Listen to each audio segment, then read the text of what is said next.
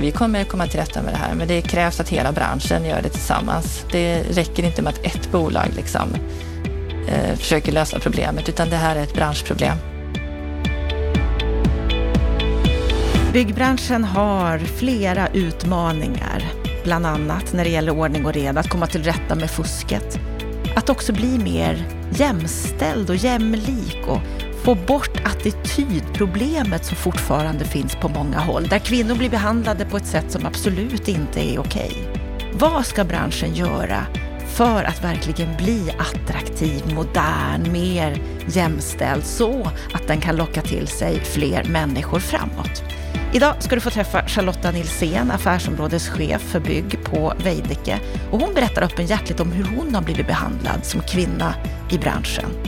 Hon berättar också om vikten av ett starkt ledarskap för att lösa attitydproblemen på, ute på våra arbetsplatser, men också för att lösa ordning och reda som verkligen behöver bli oerhört mycket bättre. Hon berättar också om hur Veidekke gör för att markant få ner byggkostnaderna.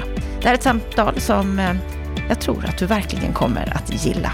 Så nu ska vi snart få träffa Charlotta Nilsén och efter samtalet med henne så ger Stefan Attefall sina kommentarer. Det är ju han som är ansvarig kan man ju säga för ordning och reda i byggbranschen. Han är i alla fall ordförande i Byggmarknadskommissionen som har mycket att göra när det gäller de här frågorna med ordning och reda framåt. Varmt välkommen till Bopolpodden. Jag heter Anna Bellman.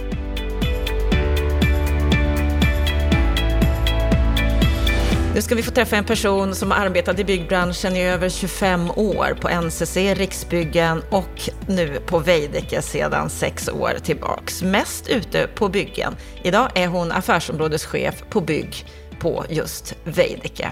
Varmt välkommen till Bopolpodden, Charlotta Nilsén. Tack så jättemycket. Vad är din sinnesstämning idag? Ja, eftersom himlen är klarblå och snön ligger vit ute så känns det jättebra.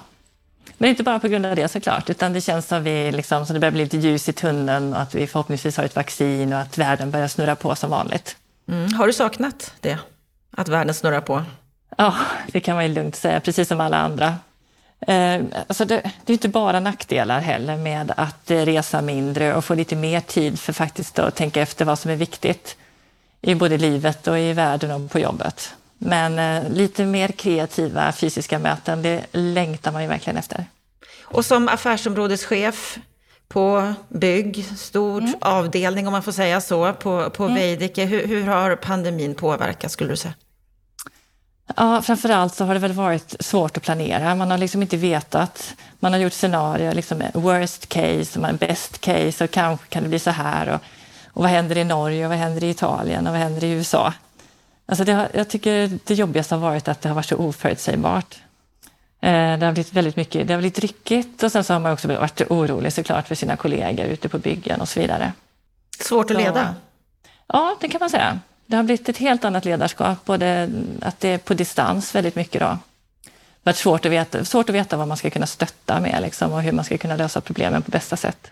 Och hur man ska kunna hjälpa medarbetarna. För det har ju varit en svår situation. Mm. Mm, det har varit en svår situation, konstig tid att leda i. Hur har det påverkat er som bolag, skulle du säga? Ja, alltså jag tror faktiskt att vi har blivit ganska sammansvetsade. Men det, allting går i cykler. Så först så man liksom, oj, nu har vi en kris som kommer och då, liksom, då känner jag, då, kan, då tar ju väldigt många fram sina bästa sidor faktiskt. Och man är väldigt fokuserad på att man ska lösa problemet och att det ska bli så bra som möjligt för alla. Eh, och sen så till slut så kanske man kommer in i lite utmattningsfas också, för det är svårt att vara på topp hela tiden. Så jag kan känna att efter ett år så är folk väldigt slitna. Och det behöver inte bara vara för att det är så mycket att göra, utan man, man är trött liksom. Är det för att vi inte får den här fysiska kontakten? Är det det som gör oss trötta? Eller? Ja, och oron tror jag också. Oron för framtiden. Det påverkar ju alla. Eh, liksom, kommer folk ha kvar sitt jobb? Nu har vi i byggbranschen om man ser bara liksom explicit på byggbranschen så har vi klarat oss ganska bra. Men eh, vi säljer produkter till konsumenter som måste ha en lön. Så det påverkar ju alla. Alltså är det ingen som kan köpa våra produkter så är det ju också snart vi utan jobb. Mm. Så alla känner en oro även om det inte slår direkt mot oss. Samtidigt som du också var inne på så, så, finns det ju många fördelar med den här pandemin, att vi bland annat reser mindre. Vad jag mm. förstår så har du ett väldigt stort engagemang i hållbarhetsfrågor. Ja, eh, hållbarhet är ju jätteviktigt. Utan att engagera sig i de frågorna så har vi antagligen säkerligen ingen framtid att se fram emot heller. Men eh, man kan ju resa på miljövänliga sätt också, så alltså, man kan ju resa hållbart. Mm. Så det ena utesluter ju inte det andra. Men om, om, vi tittar just lite på hållbarhetsfrågan för just byggbranschen. Vad skulle du säga är avgörande att, att, att branschen verkligen satsar på nu framåt, som man kanske inte gör tillräckligt idag? Ja, jag tror snarare, kanske inte själva specifika den fysiska satsningen, utan det är nog den mentala inställningen tror jag vi behöver jobba med. Jag tror att vi i alla våra beslut framöver måste inkludera hållbarhetskategorierna. Alltså varje gång du gör ett inköp, varje gång du planerar ett projekt så måste du tänka ur de tre perspektiven. Den ekonomiska, ekologiska och eh, sociala hållbarheten. När vi kommer så långt så är, tror jag inte det är ett problem längre, utan då blir det naturligt. Hur långt efter ett drömscenario, om vi kan kalla det för det, är vi, tycker du?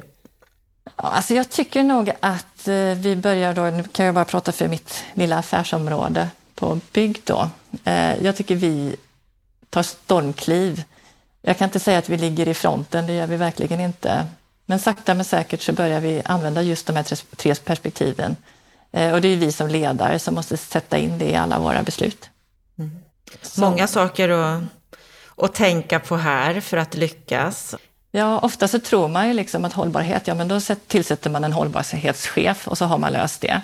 Men eh, alltså, hållbarhet är så himla komplicerat och ett sånt brett spektra, så jag tror inte riktigt på den lösningen, utan jag tror att eh, det är den mentala inställningen och det är att man, alla medarbetare i alla sina beslut måste beakta de tre perspektiven.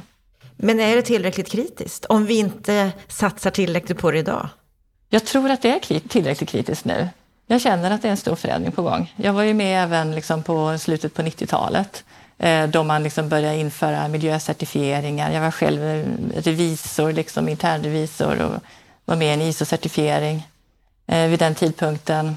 Eh, då kom det ju med stormsteg, sen har det ebbat ut lite grann, men jag känner liksom att nu är det på allvar igen. Så det ska bli spännande att se framåt faktiskt. Mm. Jag känner att ungdomarna har en helt annan inställning än vad vi gamlingar har. Så saker och ting kommer att lösa sig, fast vi kan inte bara vänta på ungdomarna heller såklart. Det, det kommer, det, så. Det, jag kan säga att det kommer, jag tror absolut att det kommer lösa sig, men det kommer inte lösa sig av sig självt, utan det kräver en insats från oss. Mm. Det är många saker som kräver insatser. Du gick betongklass i 20-årsåldern. Det var bara du och, och gubbar, vad jag förstår. ja. eh, och, och, för nu tänker jag en sån sak som inte heller verkar lösa sig per automatik, det är ju det här med jämställdheten i byggbranschen. Och, och, och, du har berättat för mig vid ett tidigare tillfälle när vi sågs att, att när du just gick i den här klassen så, så var du med om en del grejer. Bland annat så när ni satt i ett U i en paus så sa tydligen kursledaren, lilla vän, förstår du något överhuvudtaget? Ja, ja det är helt otroligt. Nu, nu när man tänker tillbaka på det. Alltså, hur, hur kunde det hända? ja, hur, hur kunde det? Ja, precis. Man är bara... Och vid den tidpunkten så, alltså jag reflekterar inte över det då så mycket, utan man bara, oh shit liksom. Att det, liksom, så här är det bara, man liksom accepterar det. Men nu då i svallvågen efter metoo och så vidare och det har fått fokus igen, alltså är man nästan chockad. Det är först nu jag reflekterar över hur sjukt det är. ja, och hur är det att vara kvinna på en sån här ledande position. För att men det du var med om då, i 20-årsåldern, vad jag förstår, mm. finns ju väldigt mycket fortfarande. Ja, alltså det, grejen är att det är en kombination tror jag. Att, att vara ung och kvinna, det är många minustecken på det när man kommer ut i, i den här branschen. Men ju äldre jag blir, eh, ju mer så kan man använda just att man är kvinna, kanske till sin fördel. På vilket alltså, sätt? Ja, alltså jag är mycket, mycket mer erfaren nu. Liksom. Jag vet liksom hur folk reagerar och man kan eh, liksom parera det på ett helt annat. Jag vet vad jag ska svara, jag vet hur man ska ta sig fram.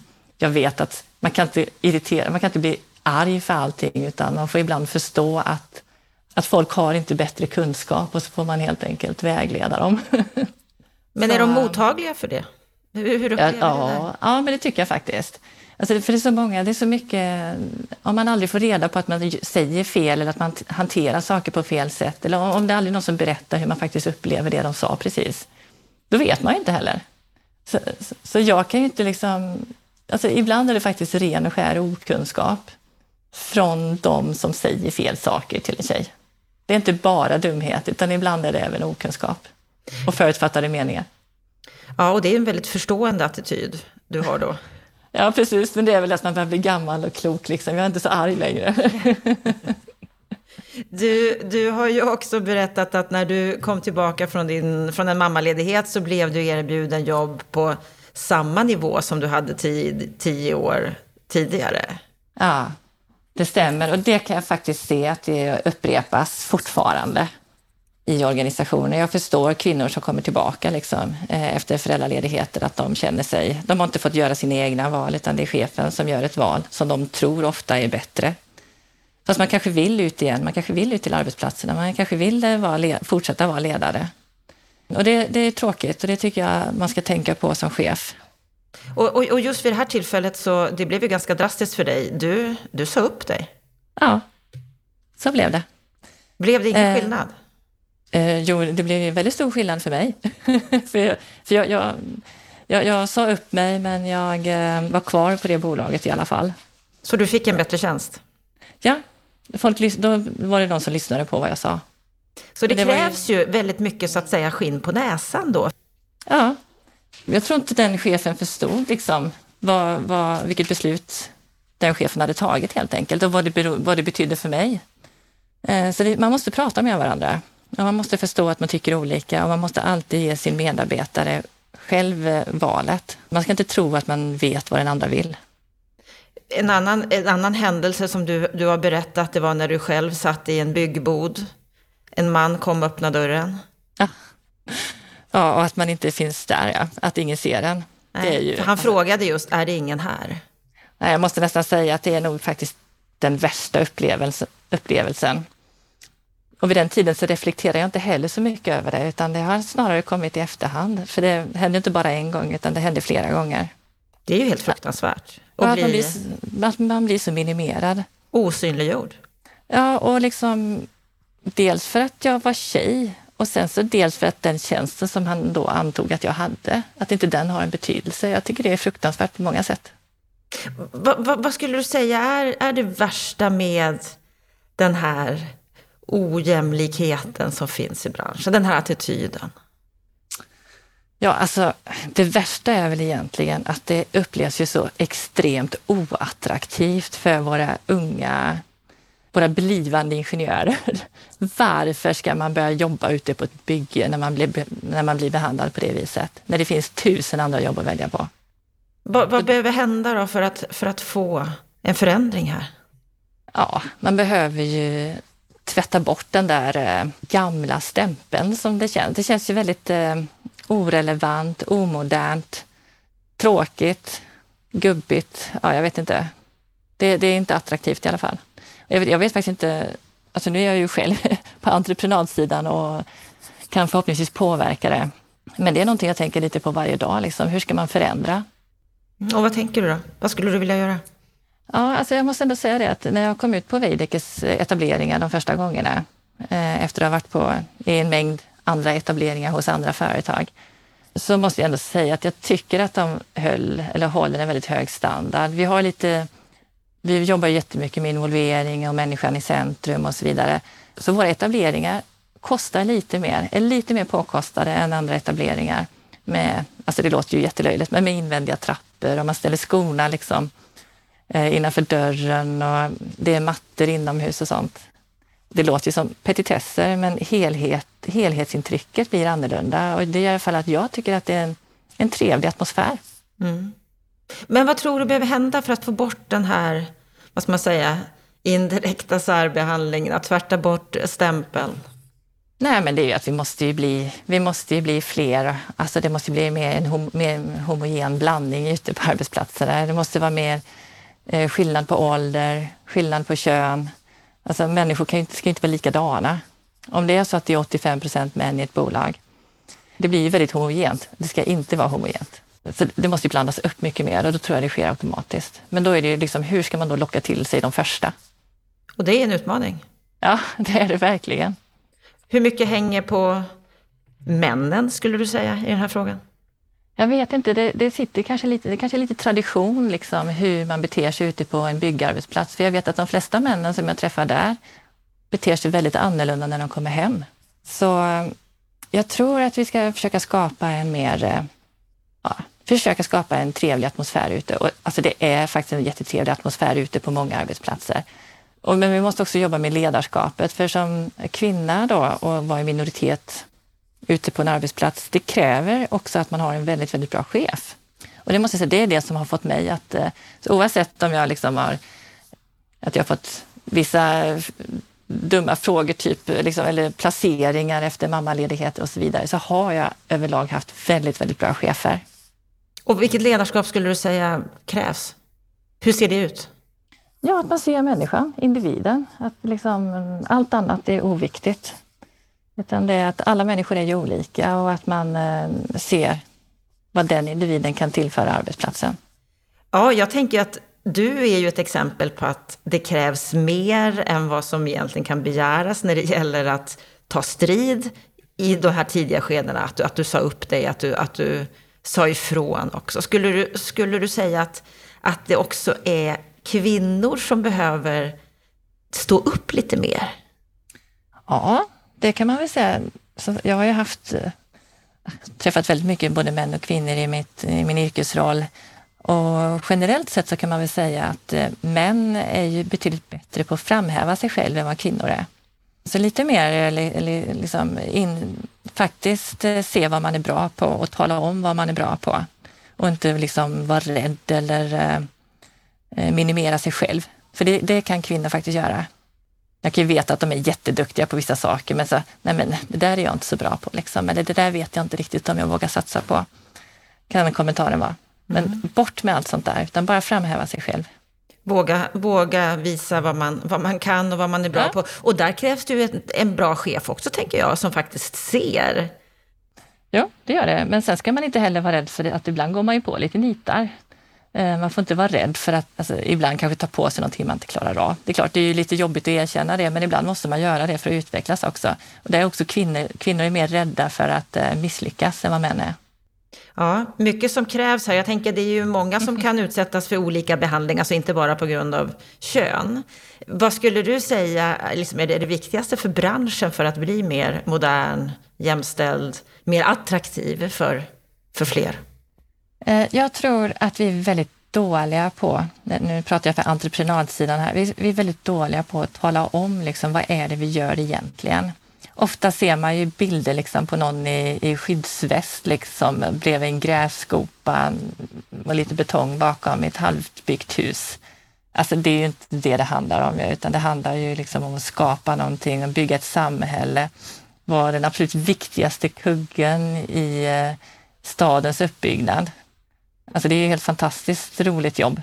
Alltså det, jag skulle om jag skulle göra om allting en gång till så skulle jag ha valt exakt samma utbildning och samma jobb en gång till, för jag tycker det är så kul. Ja, du trivs? Ja, verkligen. Och du är ju som sagt eh, affärsområdeschef då för bygg på Veidekke. Veidekke sålde Norder. Ja. Berätta. Ja, eh, vad blir det? Är det drygt ett år sedan nu? Eller det var nog mer än drygt ett år sedan som eh, eh, Veidekke-koncernen bestämde sig för att bli ett renodlat entreprenadbolag och sälja sitt projektutvecklingsbolag Veidekke Egendom. Eh, så under förra året eh, så pågick en process ända fram till september då avtalet och tillträde slutligen skedde. Eh, och då skildes vi helt och hållet då från vår projektutvecklingssida. Och Veidekke Egendom blev Norder och vi ska fokusera då på att göra våra bästa entreprenader. Mm. Och, och, det här med att ni ska bli ett mer, eller har blivit ett mer renodlat entreprenadbolag, vad, vad har det mm. betytt? Det har, det har betytt jättemycket. Eh, och det är klart, det har varit jättetråkigt att förlora alla sina gamla kollegor. Eller förlorade, ja. Man sitter inte ihop på samma sätt längre, man ser inte varandra, var, man ser inte varandra varenda dag längre. Och det är ju jättetråkigt. Men samtidigt har vi faktiskt fått jobba väldigt hårt med att se, men vad är vår affärsmodell. Var, var passar vi på marknaden och vad kan vi erbjuda våra kunder? Vi har fått rannsaka oss själva lite grann för att bli lite bättre helt enkelt. Och vad är det ni har förändrat där? Ja, alltså nu har jag jobbat rätt mycket med projektutveckling, så jag har liksom kunnat sätta mig in lite grann i vad var det jag ville ha som kund till ett entreprenadbolag. Eh, och när man har hållit på tillräckligt länge så alltså det man längtar efter, det är att ha en entreprenör som man har ett stort förtroende för, som levererar saker i tid och som kan min produkt, som förstår mitt behov. Så det har vi liksom försökt vända på då. Så har vi funderat igenom, ja men vi som entreprenadbolag, vad är det vår kund vill ha då? Eh, så vi har jobbat jätte, jätte, jättemycket med att eh, alltså integrera projektutvecklingen i vår entreprenadmodell. För att vi ska kunna leverera vår absolut bästa entreprenad, den, det bästa bostadshuset till exempel, eller den bästa förskolan, så måste vi komma in i ett riktigt, riktigt tidigt skede och få vara med kunden och rita så vi förstår kundens behov så att vi kan så att de blir nöjda och så att vi kan använda våra metoder när vi bygger huset. Då blir det bäst för alla. Vad jag förstår så, det här sättet nu som ni, som ni utvecklar och förbättrar, det påskyndar projekteringsarbetet. Visst är det så? Ja, visst. Nej, men vi, vi arbetar ju med en plattform hela tiden. Eh, och den plattformen, det kan vara en bostadsplattform eller en plattform för förskola eller vårdboende eller ja, eh, vad nu kunden har behov av. Eh, och eftersom vi alltid använder den plattformen i alla våra projekt eh, så vet vi att det här vet vi att vi kan klara av och det här vet vi att vi bygger på bästa sättet och vi vet vad den kostar väldigt snabbt. För i projektutvecklingscykeln så är tiden det absolut viktigaste. Det ska vara så kort tid som möjligt, för tid är pengar. Och hur mycket tid tjänar ni på då, när ni, när ni liksom har förändrat er affärsmodell på det här sättet? Ja, jag skulle vilja påstå att vi halverar eh, tiden från detaljplan till inflytt. För vi, eftersom vi är med hela tiden, vi brukar erbjuda våra kunder att eh, ja, har de en detaljplan eller så, så ge den till oss. Så på fyra veckor så kommer vi dit upp ett förslag som passar deras eh, kundgrupp. Och de kommer också få en, både en plan, en 3D-modell och en kostnad. Och tycker vår kund att ja, men det här blir ju skitbra, då tecknar vi ett avtal och så går vi vidare. Och då har vi redan kommit väldigt långt, för vi har ju färdiga systemhandlingar och så till det huset som vi har ritat. Och när jag var projektutvecklare så var det precis detta som jag önskade. Det betyder att ni som utförare, ni får en större kontroll? Ja, vi och kunden får också kontroll. Så det är ett gemensamt, det bygger liksom på ett gemensamt förtroende och en gemensam kontroll skulle jag vilja säga, för vi liksom itererar ju fram det här. Eh, och sen så får kunden själv bestämma hur mycket man vill vara involverad. Så det är inte det att kunden lämnar över kontroll till er? Nej, det beror ju precis på vad kunden vill kontrollera. Alltså en del kunder eh, vill ha en, ehm, en omsättning till exempel. De vill ha en hyresrätt som de kan hyra ut med vissa kvaliteter till sina kunder. Så de vill ha kontroll på sina pengar. Det är det viktigaste för dem och det har de ju. Det kan vi hjälpa dem med. Andra kunder kanske vill ha kontroll på hur huset ser ut eh, och då får de det. Inga problem. Så man väljer, man, alltså det är ju ingen som eh, liksom, all, det är inte så att allting är viktigt att kontrollera, utan det är det vi kan hjälpa kunden med. Att se till att de får kontroll på det som är viktigt för dem. Resten tar vi hand om. Och när det gäller det här med att ni kortar tiden så mycket som du sa, nästan halva, mm. sparas det mycket pengar där också? Ja, det skulle jag vilja säga. Alltså i, som jag sa tidigare, i den här projektutvecklingscykeln så är tiden en jätteviktig faktor. För har man riktig otur så tar ju detaljplanarbetet flera år. Eh, och det man då skissade fram och ritade och trodde på när man väl går ut till marknaden så ser målgruppen helt annorlunda ut och önskemålen är kanske precis tvärtom. Man kanske önskar stora lägenheter istället för små och så vidare. Så kan man korta den här cykeln så kan man ju slippa flera omtag i projektet och då kan vi prata, vi kan prata 15 miljoner liksom, i ett vanligt bostadsprojekt. Därför att det vi, det vi eh, ofta pratar om när det gäller den här typen av projekt är att vi måste få ner kostnaden. Ja. Måste få ner produktionskostnaden. Är det här det bästa sättet för det? Ja, man kan säga att man får ner projektkostnaden, den totala kostnaden i projektet. Ja, det skulle jag säga. Det här är den absolut bästa medicinen. Många säger också att vi behöver industrialisera mer också för att få ner kostnaden och, och, och, tänka mer miljömässigt och så vidare. Ni har ju tagit fram en del standardiserade produkter. Eh, man ska ju liksom skilja lite grann på standardiserade produkter och standardiserad process. Ja, för de standardiserade produkterna har inte gått så jättebra. Nej, precis. Utan det vi jobbar jättemycket med det är alltså att vi jobbar eh, förutsägbart efter en standardiserad process. Och sen finns det vissa ingredienser som inte skiljer sig så mycket. Och om vi då till exempel pratar bostäder, då har vi våra BBR-krav eh, med tillgänglighet, våra badrum, kök, och sen har vi våra installationer också som, som blir billigast om man drar dem på ett visst sätt till exempel. Allt det här, alla de delarna standardiserar vi. Men sen kan resten av huset eh, anpassas efter fotavtryck eller de förutsättningarna som finns på platsen.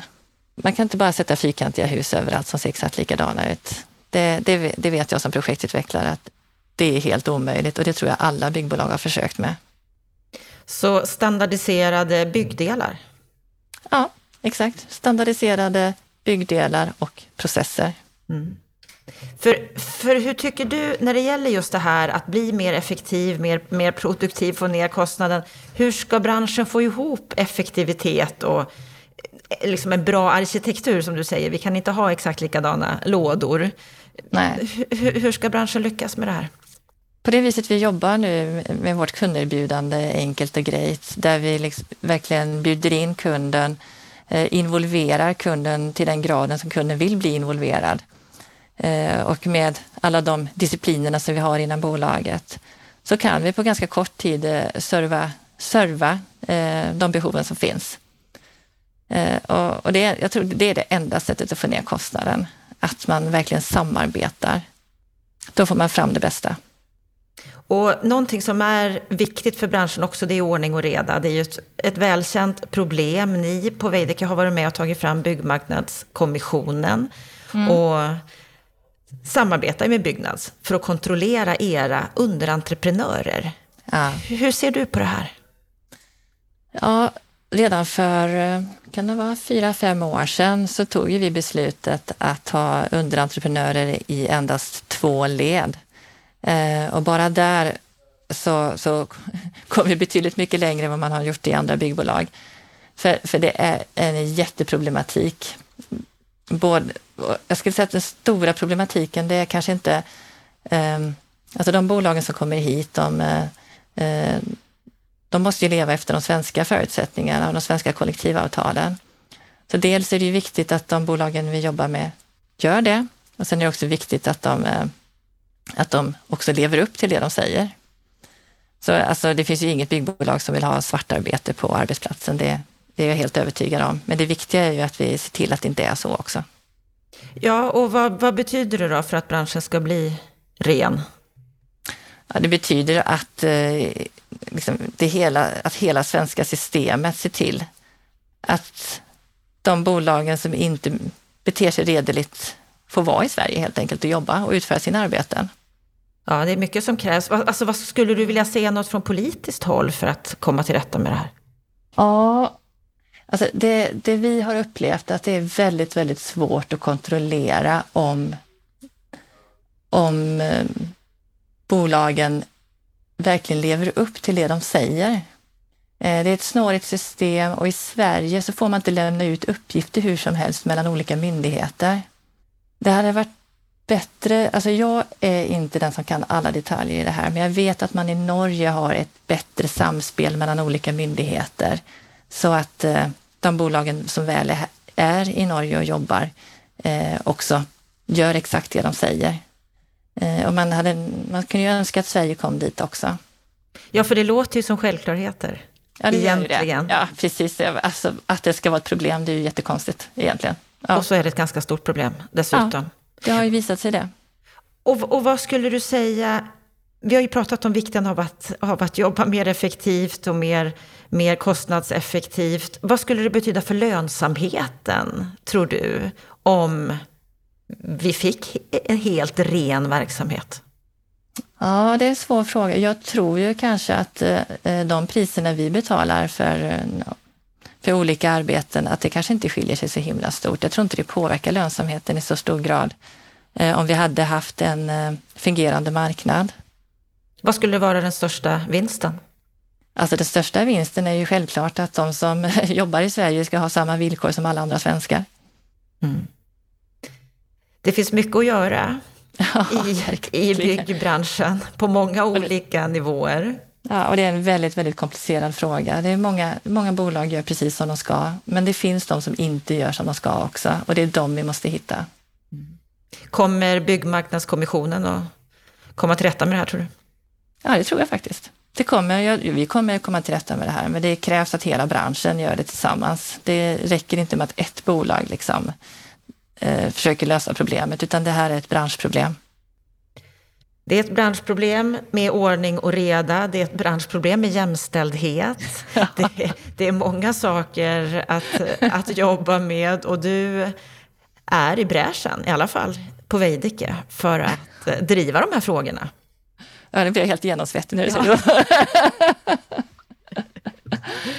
ja, men det är väl skönt att vara någonstans eller vara i en bransch där det finns eh, mycket som man kan förändra, måste jag säga. Annars hade det ju varit jättetråkigt. Mm. Ja, du har mycket att göra framåt. Stort lycka till med det, Charlotta, och tack för att du var med i Bopolpodden. Tack så jättemycket. Tack.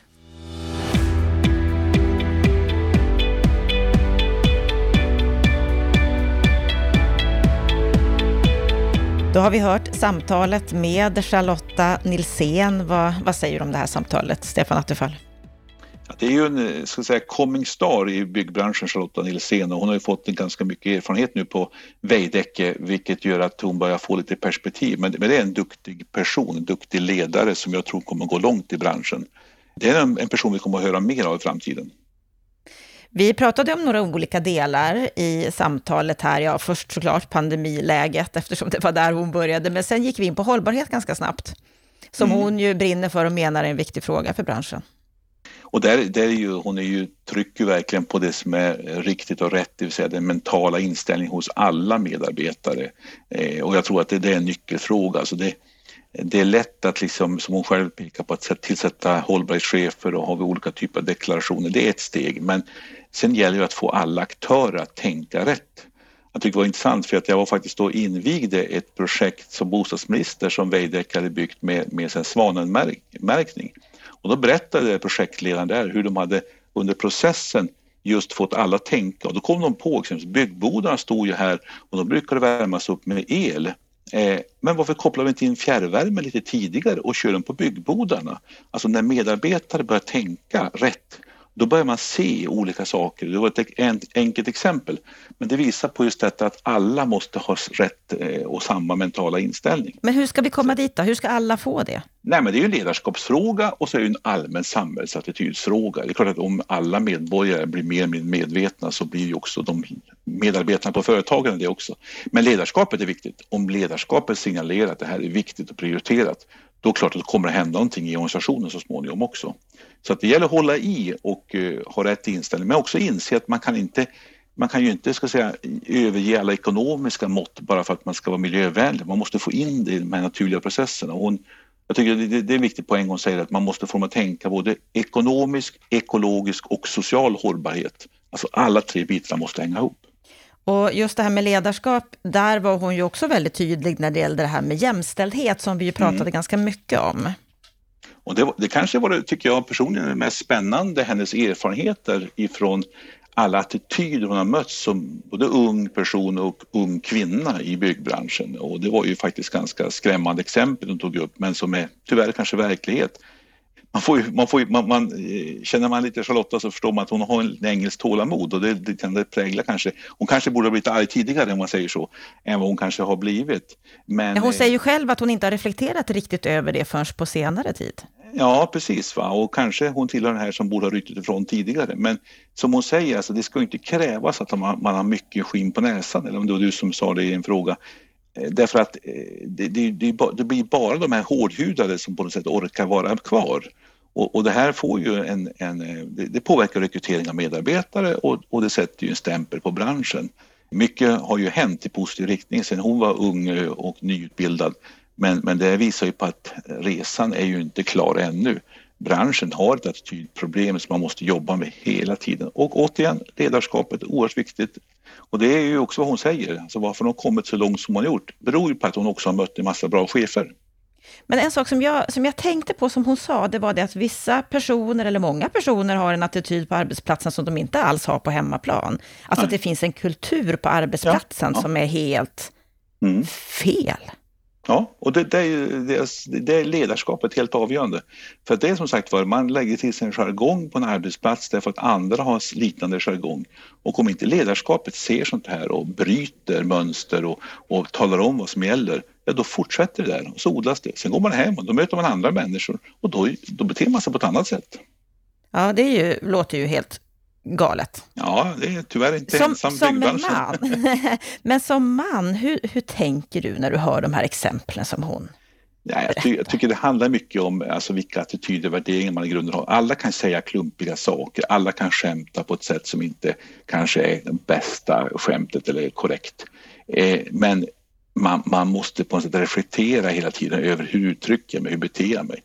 Som att sticka i huvudet och säga, är ingen här när hon sitter där som eh, ingenjör på ett bygge i, i Boden. Alltså, det, är ju, det är ju liksom att se människor. Det, det finns samma attityd ibland när man möter exempelvis den som är lokalvårdare på en, ett kontor. Ser man den personen eller ser man inte personen? Det är lite samma sak. Alltså, ser du människorna runt omkring dig oavsett vilken roll de har, var de kommer från, vad för bakgrund, eller gör du inte det? Det är lite samma, det, det handlar om människosyn i botten. Du sa att eh, det går åt rätt riktning, att, att det ändå inte är lika hemskt som när, som när Charlotta var ung. Gör det det? Kommer vi att få en riktigt jämlik, jämställd bransch som är attraktiv och som kan locka kvinnor? Ja, alltså det går ju åt rätt håll i meningen att frågorna är på agendan betydligt mera. Det är fler och fler kvinnor i branschen, men det är ju en lång resa kvar. Och det handlar ju om att, vilka attityder som är och alltså branschen måste på något sätt vara överduktig på det här området för att också tvätta bort gamla bilder och för att attrahera eh, exempelvis kvinnor eh, i högre grad. Och det är ju en del av kompetensförsörjningen. Jag menar, eh, lyckas man inte med det då kommer man ju inte heller att klara av att eh, både hitta de duktiga eh, personerna men också att få dem att stanna kvar i branschen. En annan fråga som vi tog upp, pratade om, det var ju det här att, att Veidekke har, har skilt bolagen, delat upp bolaget i, i olika delar och blivit ett mer renodlat entreprenörsbolag. Mm, mm. Ja, det var ju Veidekke Egendom, alltså Veidekke Bostad som det hette på svenska. Den norska och svenska delen som har nu skilts av och sen blivit då eh, sålt till ett norskt konsortium. Eh, det där vet jag var inte helt okontroversiellt inom Veidekke men det blev så och, och frågan är vad som händer nu. Men det, hon säger ju någonting och det är ju att de har tvingats tänka igenom sin affärsmodell. Nu har ju Eh, Charlotta själv varit chef över Veidekkes bostadsdel, bostadsutvecklingsdel i södra Sverige tidigare. Så att hon kan ju den delen och hon har ju rätt attityd när hon säger att man måste tänka som kunden eh, vill ha det när man ska bygga bostäderna åt dem.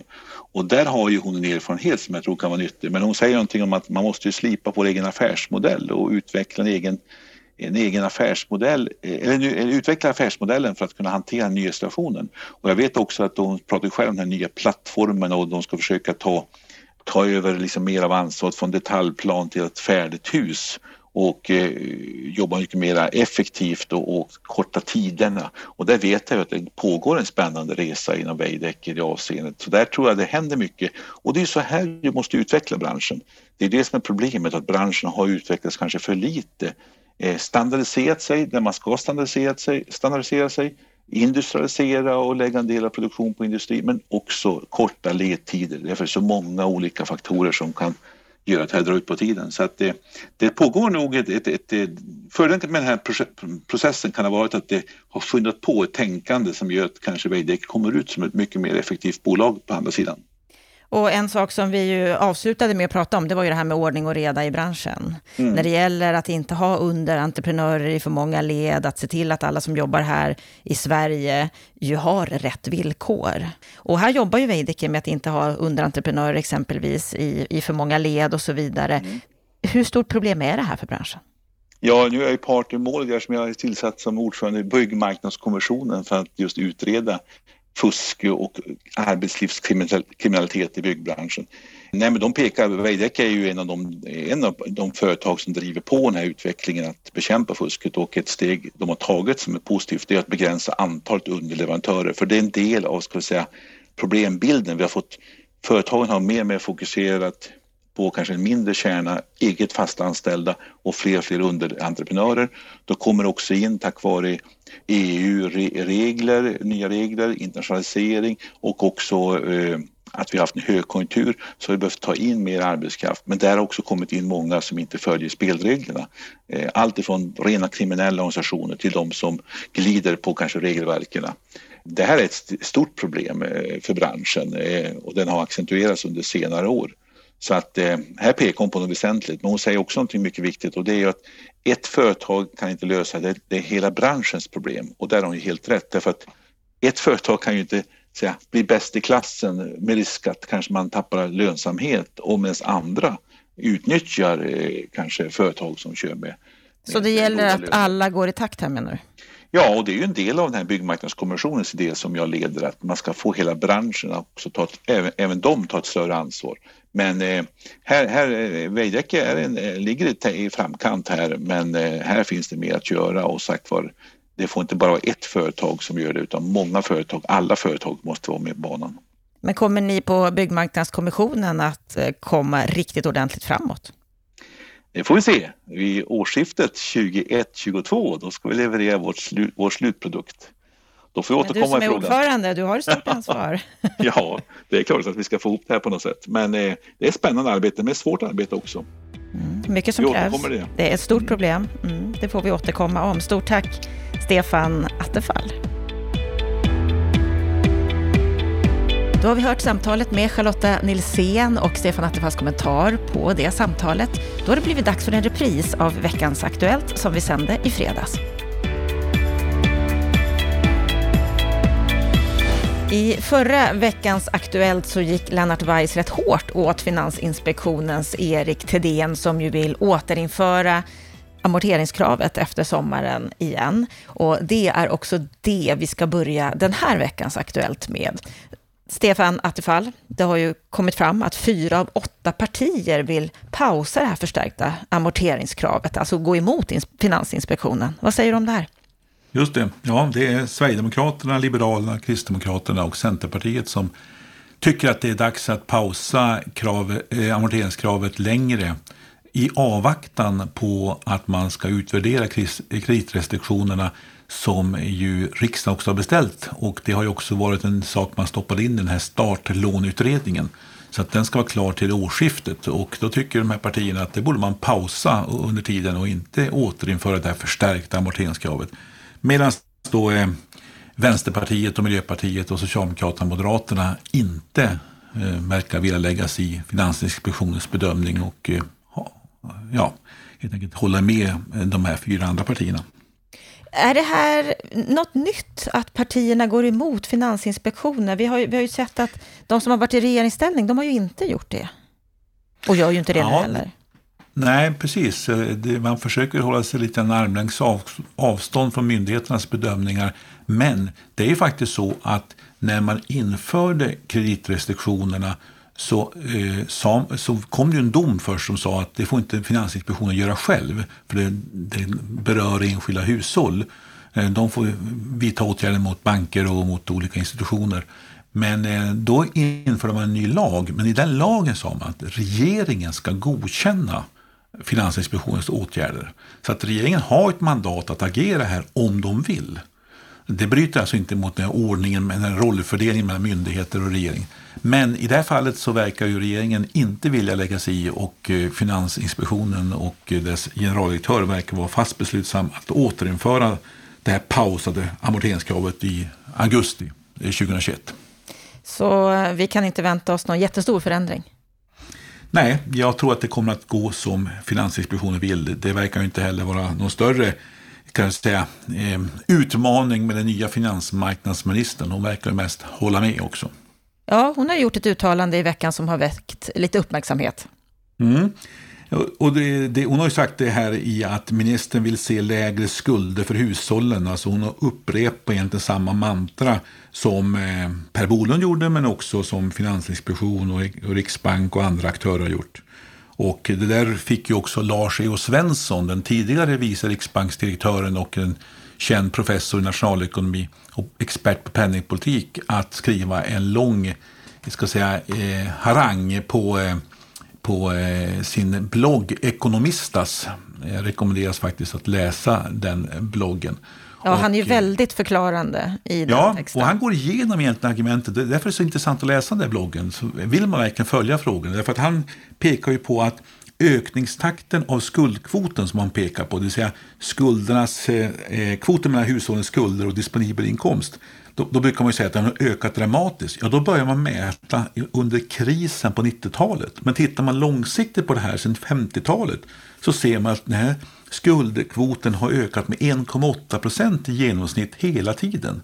Och även de här sista åren. Så att eh, det är egentligen en ganska balanserad ökningstakt om man jämför med ekonomins tillväxt och liknande saker. Eh, sen pekar han också på att, säger så att men det är bättre att titta på räntekvoten, det vill säga hushållens förmåga att betala räntorna. Och då pekar han ju på att hur de har fallit. Han har en kurva här från 95 och visar på att sedan 95 har de fallit dramatiskt och aldrig varit så låga som de är idag. Alltså hushållens förmåga att betala räntorna är bättre än någonsin. Och så pekar han också på en annan kurva hur hushållens tillgångar har ökat och de har aldrig varit så stora som idag. Det vill säga vi har mycket tillgångar i fastigheter men också i annat sparande, pensionssparande, privat sparande, fonder etc. etc. Och, och sen för han resonemang också om det här med ja, men vad händer då om räntorna stiger? Ja, räntorna stiger ju om det blir högkonjunktur och inflation. Men då har ju folk jobb och då stiger också förmögenhetsvärdena som exempelvis tillgångar på hus och eh, räntorna följer med det. Och får vi tvärtom lågkonjunktur, ja men då då är ju räntorna fortsatt låga. Eh, så att den här ordningen om att vi skulle få både lågkonjunktur och hög arbetslöshet och stigande räntor, den existerar ju inte i sinnevärlden om inte vi ställer till det som vi gjorde på 90-talet med en fast växelkurs som vi försvarar med höga räntor. Ja, men då blev det kaos i systemet. Men vi har en rörlig växelkurs och vi har också en riksbank och centralbanker som är duktiga på att sänka räntor och öka likviditeten i ekonomin om vi får en kris i ekonomin som vi hade med finanskrisen exempelvis. Så att det finns egentligen inte riktigt den här oron som de pekar på.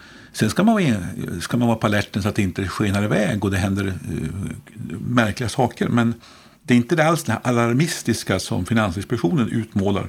Och det visar Lars E. Svenssons uh, eh, diagram mycket tydligt på Ekonomistas. Men när nu vår nya finansmarknadsminister Åsa Lindhagen går ut och säger att hon gärna vill se lägre skulder för hushållen, är hon helt ute och cyklar då?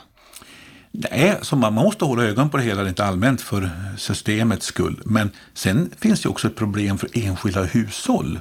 Att man kan skaffa för dyra lån, man kanske inte har tillräckliga marginaler i sin ekonomi. Så att enskilda hushåll kan ju drabbas hårt av en felaktig skuldsättning eller för hög skuldsättning. Men då är det ett, ska säga, ett problem för de enskilda människorna. Det är inte ett systemproblem för hela svensk samhällsekonomi som debatten som Finansinspektionen för handlar om. Men att värna de här enskilda hushållen, att inte riskera att enskilda hushåll drabbas, är inte det en bra sak? Jo då, och det är ju bankernas jobb också. Jag menar, bankerna ska inte låna ut pengar till de som inte kan betala räntor. Va? Eh, och det är det som är bankernas egentligen kompetens att avgöra. Och visst, jag tycker också att vi ska ha en amorteringskultur, särskilt när vi har låga räntor. Men hur de här regelverken är utformade har ju blivit på ett sätt, alltså kombination av bolånetak, flera olika amorteringskrav, bankernas kvar att leva på kalkyler och en rad andra saker runt omkring har gjort att det blir just omöjligt eller mycket svårt för den unge, den som inte har så mycket kapital, att komma in på den ägda bostadsmarknaden. Och det gör ju att de som redan är inne, de kan låna och de kan förbättra sin boendestandard men också vara med om förmögenhetstillväxt. Medan de här andra som ska in på marknaden och börja sin resa, ja, de stängs ute och hänvisas till kanske nyproducerade hyresrätter som ofta är dyra. Eh, det är den fördelningspolitiska mekanismen som, inte, som är, som är åt, åt skogen i vad nu, Sverige och som får då, ska säga, eh, stöd eller säga, förstärks av eh, Finansinspektionens agerande. Så att vi får alltså en växande klyftor kan man säga tack vare detta. Lars E.O. Svensson avslutar sin långa text med eh, meningen Det är uppenbarligen viktigt att den nya finansmarknadsministern i fortsättningen får korrekt information så att makrotillsynspolitiken beträffande hushållens skuldsättning förhoppningsvis kan förbättras. Mm. Och det är väl det som man har saknat lite grann, att politikerna gör en egen bedömning. Vad är en bra avvägning? Att myndigheterna har ett kanske mer ensidigt uppdrag, det är inte konstigt tycker jag. Eh, de ska titta på risker och de ska eh, ta fram de vapen, alltså de, de, de verktyg de har i sin, i sin verktygslåda. Men politiken ska ju väga av vad är rimligt och vad är lämpligt och vilka andra aspekter ska vi lägga på det här och hur mixar vi ihop politiska åtgärder med exempelvis de åtgärder som Finansinspektion och Riksbank vidtar. Och det är det vi saknar och det är det Men som är vem, stora kritiken. Men vem ska Åsa Lindhagen lyssna på för att kunna fatta rätt beslut och göra rätt avväganden? Ja, hon ska lyssna på sig själv. Alltså hon är politiker. Hon är inte, hon är inte Finansinspektionens marknadsförare. Hon ska väga av vad, eh, hur rimligt det är. Det är ungefär som ett hushåll skaffar sig, alltså man kan säga att Finansinspektionen håller på med försäkringar, ska skydda oss mot kriser. Och ett hushåll skaffar sig brandförsäkring, hemförsäkring, liknande saker. Men hur hög ska hemförsäkringen vara? Hur omfattande ska den vara? Det måste hushållet bedöma. Om försäkringsförsäljaren bara får tala om hur hög försäkringen ska vara, hur stor den ska vara, då kommer du ha en försäkring som omfattar hur många risker som helst till enorma kostnader. Och det är den här avvägningen. Vad är rimligt? Vad är lämplig balans? Och hur ska vi mixa ihop de olika sakerna? Det är där politiken ska, ska göra sitt jobb. Och det är där politiken sviker hela tiden tycker jag. En eh, annan fråga som är väldigt stor inom politiken och som är ett kraftigt verktyg, det är ju investeringsstödet som får kritik i en ny rapport. Om det ska finnas kvar så finns skäl att justera villkoren, det skriver byggindustrin om det här. Det här är en rapport som Evidens har gjort just när det gäller investeringsstödet. Vad är det den här analysen av investeringsstödet handlar om? En jätteintressant rapport som går igenom hur ska vi säga, regeringens stora flaggskepp, investeringsstöd till att bygga nya hyresrätter, hur det har slagit. Och eh, då pekar ju eh, evidens i sin analys som man gjort på beställning av fastighetsägarna och byggföretagen att ungefär 2 000 kronor per månad får man om man får en lägenhet med ett investeringsstöd jämfört med hur marknaden i övrigt fungerar och hur hyrorna i, i, i hyr, nyproducerade hyresrätter utan eh, subvention. Men de här 2000 kronorna, då skriver eh, evidens här i analysen, verkar fördelas relativt slumpmässigt mellan hushållen. Man kan alltså inte se något samband mellan ekonomiskt svaga hushåll eller att det är grupper som är speciellt eh, utsatta på marknaden skulle få det här stödet. Utan det verkar vara till och med så att de som får det stödet, de unga som flyttar in med nyproducerade hyresrätterna med investeringsstöd har oftast lite bättre till och med ekonomi än vad de andra ungdomarna har. Man ser, däremot ser man par som flyttar in, sambopar exempelvis som flyttar in, de kan ha något lägre kanske inkomst än de andra. Men då är lägenheterna, då styrs de mot att bli ganska små lägenheter också. Så är regelverken utformade. Och så ser man också att stödet går framförallt till eh, orter upp till 75 000 invånare och ganska liten utsträckning till eh, eh, storstäderna. Alltså mindre pengar går till orter med stor bostadsbrist och mer pengar går till orter med mindre bostadsbrist. Och det är ju ganska intressant att se att de här fyra i topp, vilka får mest investeringsstöd? Det har varit Upplandsbro, det har varit Kalmar, Örebro och Halmstad. Det är ju inte där kanske vi har upplevt den största bostadsbristen i Sverige. Men där, där har de största pengarna gått till. Så att investeringsstödets konstruktion och karaktär är varken fördelningspolitiskt särskilt slukt utformad eller löser bostadsbristproblemen i första hand. Men däremot gör det att man kan bygga kanske hyresrätter på orter som man annars inte hade byggt på. Och så har hyrorna kommit ner en bit, men de som får det, det är ofta de som stått längst i bostadskön, vilket sällan är de som har sämsta ekonomin. Det här är ju en rätt allvarlig kritik. Eh, det är mycket allvarlig kritik. Ska man ha ett investeringsstöd, då måste man utforma det på ett slugare sätt och ha långsiktiga spelregler. Det har varit tre olika varianter också sedan 2016 med lite olika regler. Så att, eh, det här är en sak som politiken borde, borde ta hem till, till och göra bakläxa på. Men det är det här också som är skälet till att det blir ganska kraftig kritik. Jag tror personligen att pengarna, jag tror det har handlat om något tiotal miljarder, som, något tio miljarder drygt har, har gått till det här. De eh, pengarna skulle kunna användas på ett effektivare sätt för att just nå de grupper som har den sämsta ställningen på bostadsmarknaden. Hur borde de användas? Ja, dels så skulle man kunna förstärka bostadsbidragen. Då vet vi att träffsäkerheten är ganska hög. Dels skulle man kunna rikta stödet till orter med bostadsbrist eller åtminstone eller på något annat sätt, eh, exempelvis det här med kreditrestriktioner som gör att eh, man utestänger många från ägda marknaden. Eh, där kan man kanske vidta en del åtgärder för att underlätta det. Så att det finns många fler instrument. Vi kan också utveckla de sociala kontrakterna i kommunerna för de som verkligen är utsatta och är helt utan bostad. Så du Så menar att, att investeringsstödet, eh, investeringsstödet borde helt tas bort, tycker du? Jag tycker man ska ta bort det, men innan man tar bort det borde man och komma fram med andra åtgärder. Så att man inte bara rycker bort det och så händer ingenting. För det är det som är risken också med den politik som förs också av de partier som säger att de är emot investeringsstöd, det är att de tar bort det. Men har de då något annat som, som ersätter eh, investeringsstödet? Därför att bara ta bort det, det innebär att vi får färre byggda hyresrätter och i allt annat lika. Ja, det är ingen bra lösning heller. Så att eh, ett bra alternativ som är mycket mer effektivt och träffsäkert, en mix av bostadsbidrag, riktade insatser mot svaga grupper och eh, allmän översyn av regelverk som gör att fler kan komma in på bostadsmarknaden. Det tror jag skulle vara ett mycket bättre sätt att använda skattebetalarnas pengar på. Byggindustrin har ju tagit upp detta, men det har inte kommit in i några stora medier, trots att det här är ett så kraftfullt politiskt verktyg när det gäller bostadspolitiken. Ja, Varför det har inte blivit större den här Nej, rapporten? Men, jag vill påstå att journalister kan inte bostadsfrågor. Det krävs att man läser in, förstår de här sakerna. Och det här har vi en brist. Vi, vi saknar ju specialiserade journalister idag som bevakar exempelvis bostadssektorn.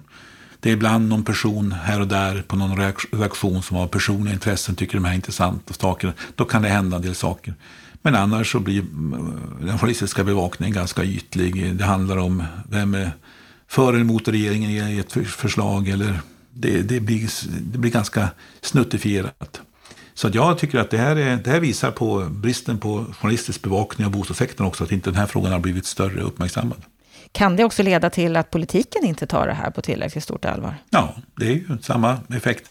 Alltså, politiker är oerhört känsliga för vad som rör sig i medievärlden.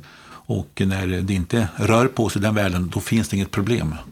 Så resonerar tyvärr många politiker. Men eh, den här rapporten är faktiskt den mest gedigna och eh, bäst gjorda som jag har sett och som faktiskt har också kunnat utvärdera efter en viss tid så man kan se verkligen effekterna.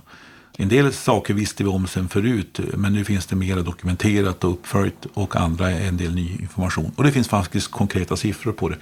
2000 kronor per månad alltså. Det är ett kraftigt stöd till människor. Då borde de pengarna rikta sig till de grupper som verkligen behöver dem. Men det landar som sagt slumpmässigt hos hushåll. Man vet aldrig vem som drar vinstlotten och vem som inte gör det.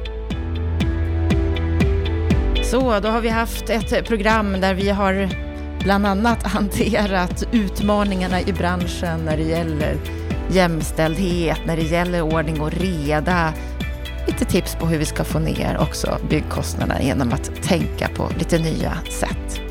Tack för att du har lyssnat på oss. Är det så att du vill fördjupa dig ännu mer, då gör du det genom att gå in på bostadspolitik.se. Med detta så önskar jag dig en riktigt härlig vecka.